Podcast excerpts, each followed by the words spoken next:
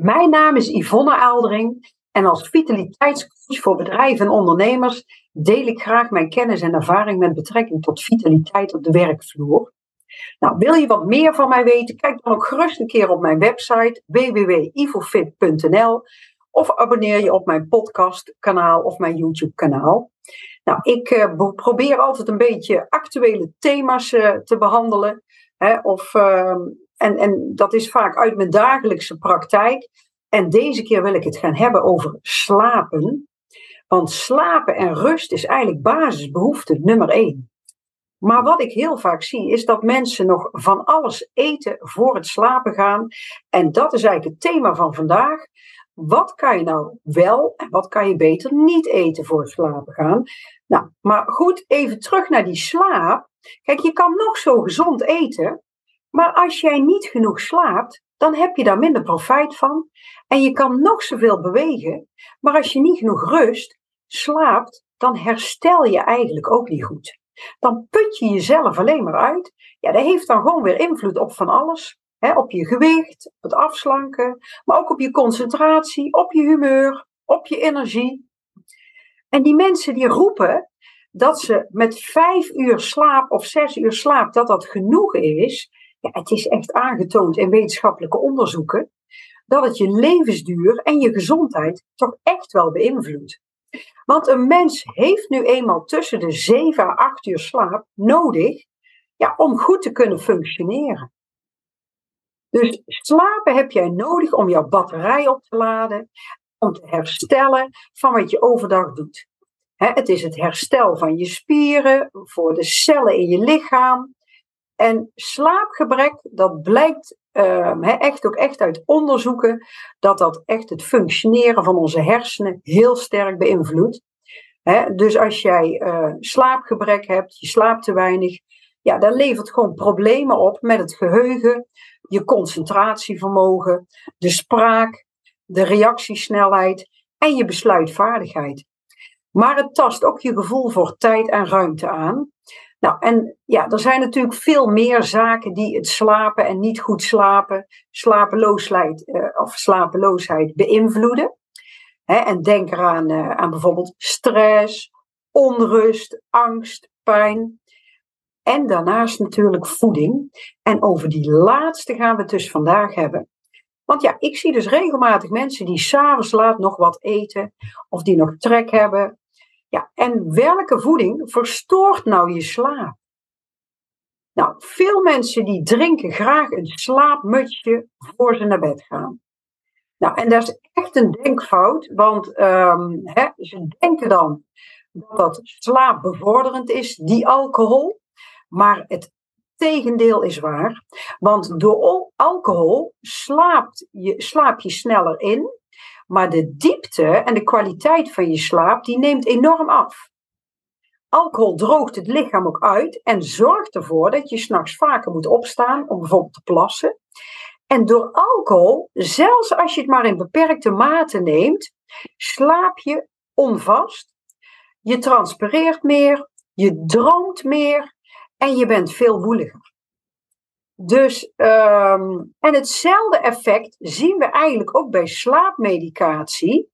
Je slaapt sneller in, maar de slaapkwaliteit die neemt serieus af en er treedt gewenning op. Nou, dan hebben we ook nog cafeïne. Nou, cafeïne daar vind je in, in koffie, in cola, maar soms ook in thee, hè? theïne. En cafeïne die zorgt ervoor dat jij alert en wakker blijft. En als je te veel koffie drinkt overdag, of na vijf uur s'avonds nog een kopje koffie drinkt, dan heb je de neiging om langer wakker te blijven. Je valt minder snel in slaap en je slaapt ook minder vast. Want cafeïne houdt niet alleen onze hersenen wakker, maar stimuleert ook de nieren, de maag, de darmen. Dus, even resumerend, ehm, nu weten we een beetje wat we dus uh, beter niet kunnen nemen. Hè? Cafeïne, alcohol, s'avonds voor het slapen gaan. Maar ik ga ook eens vertellen wat je dan wel kan nemen, want dat is natuurlijk interessant om te weten. en ik heb eigenlijk zes keer uh, eten wat je helpt bij het slapen. Want ik denk dat iedereen het wel herkent. Heb je wel eens last van slapeloze nachten? Nou, zie dan dat voeding dat dat een onderdeel is van een goede nachtrust. En daar zou je misschien niet denken, maar voeding beïnvloedt echt de kwaliteit van je slaap. Zo kan bijvoorbeeld uh, rijst en pittig eten zorgen voor een slechte nachtrust. Maar gelukkig is er ook eten dat je slaap bevordert.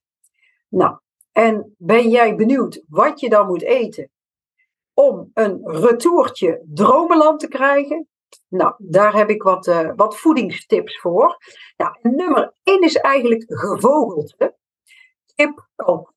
Ja, dat is een rijke bron aan proteïne. En daar kan je echt helpen om heerlijk in slaap te vallen. Proteïne kan slaperigheid namelijk versterken. Nu moet je niet als een malle allerlei proteïne shakes gaan uh, drinken.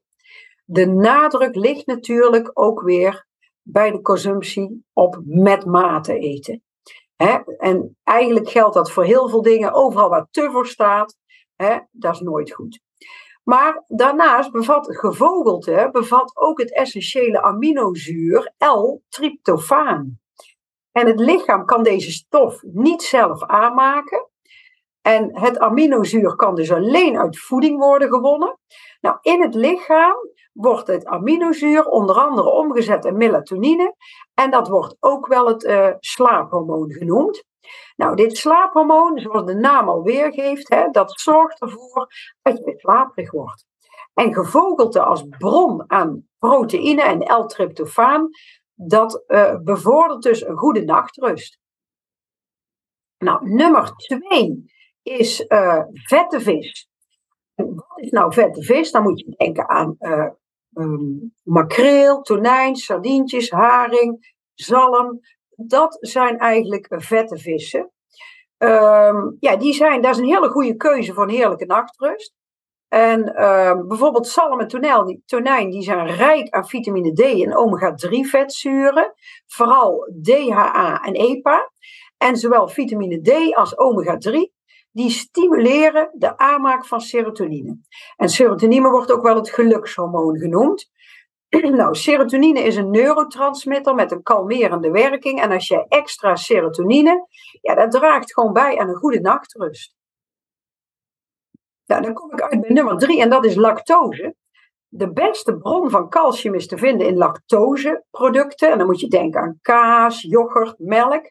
Maar pas op, in de huidige tijd zien we heel veel mensen die lactose gevoelig of intolerant zijn. En dan is dit natuurlijk geen goede keuze. Maar dat weet je vaak wel van jezelf.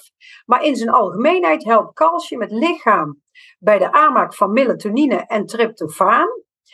Dat slaapverwekkende stofje. Zoals ik al eerder uh, net vertelde, dragen deze stoffen bij aan een goede nachtrust. Hè. En wanneer jij lactoserijke producten combineert met sporten, ja, dan is het effect nog groter. Dus dan zeg ik wel eens voor de grap, daar wordt dus bakken yoghurt eten en uh, bankdrukken. Hè? Of uh, ja, flink tekeer gaan in de sportschool. Maar dat moet je natuurlijk ook weer niet te laat doen. Want als jij te laat nog zo actief bent in de sportschool, ja, dat beïnvloedt uiteraard ook je slaap.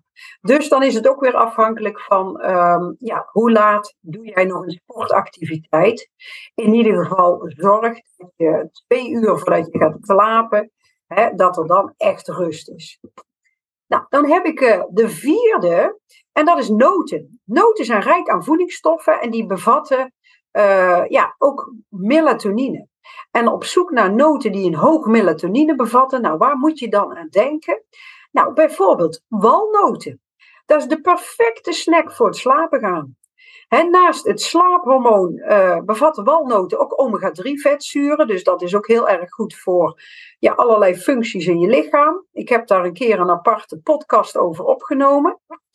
Over die omega-3 vetzuren, waarom die zo vet belangrijk zijn, zei ik toen de tijd.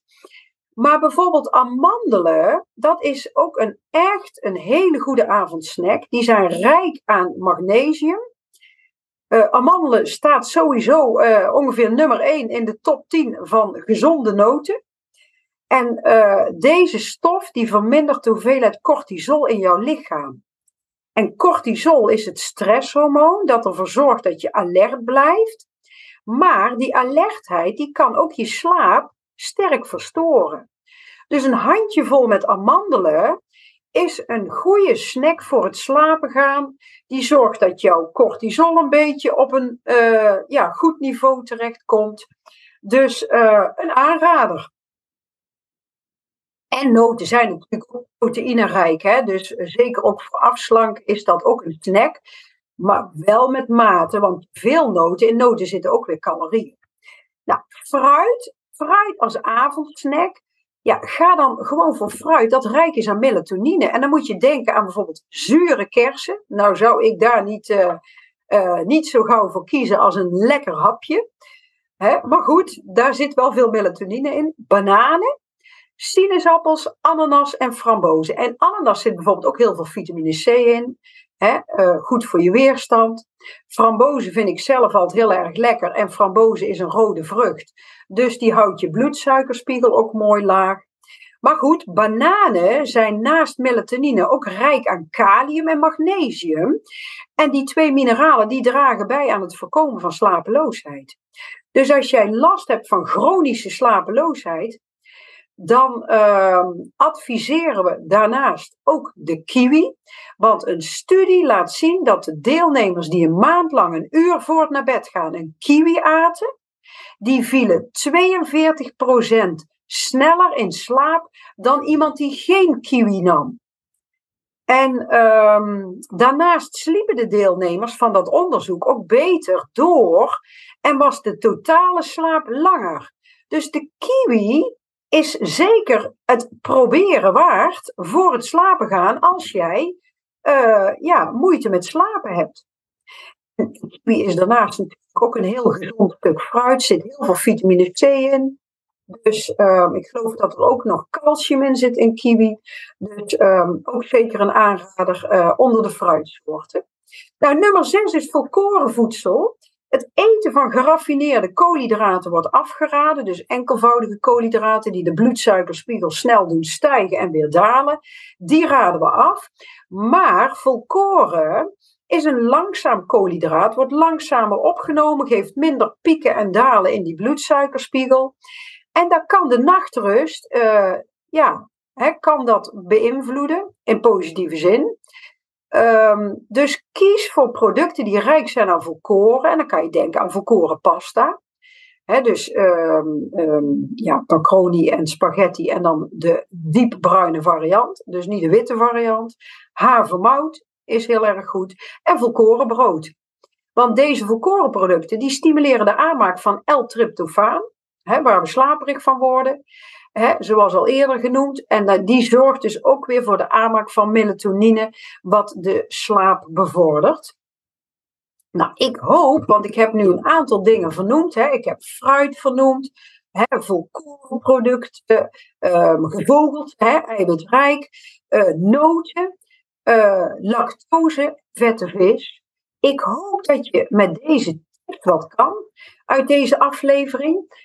Als je de tips nuttig vond, ga ze toepassen in de praktijk. Doe het eventueel stapje voor stapje. Je hoeft niet meteen alles in te zetten. En kijk ook even goed wat bij jou past.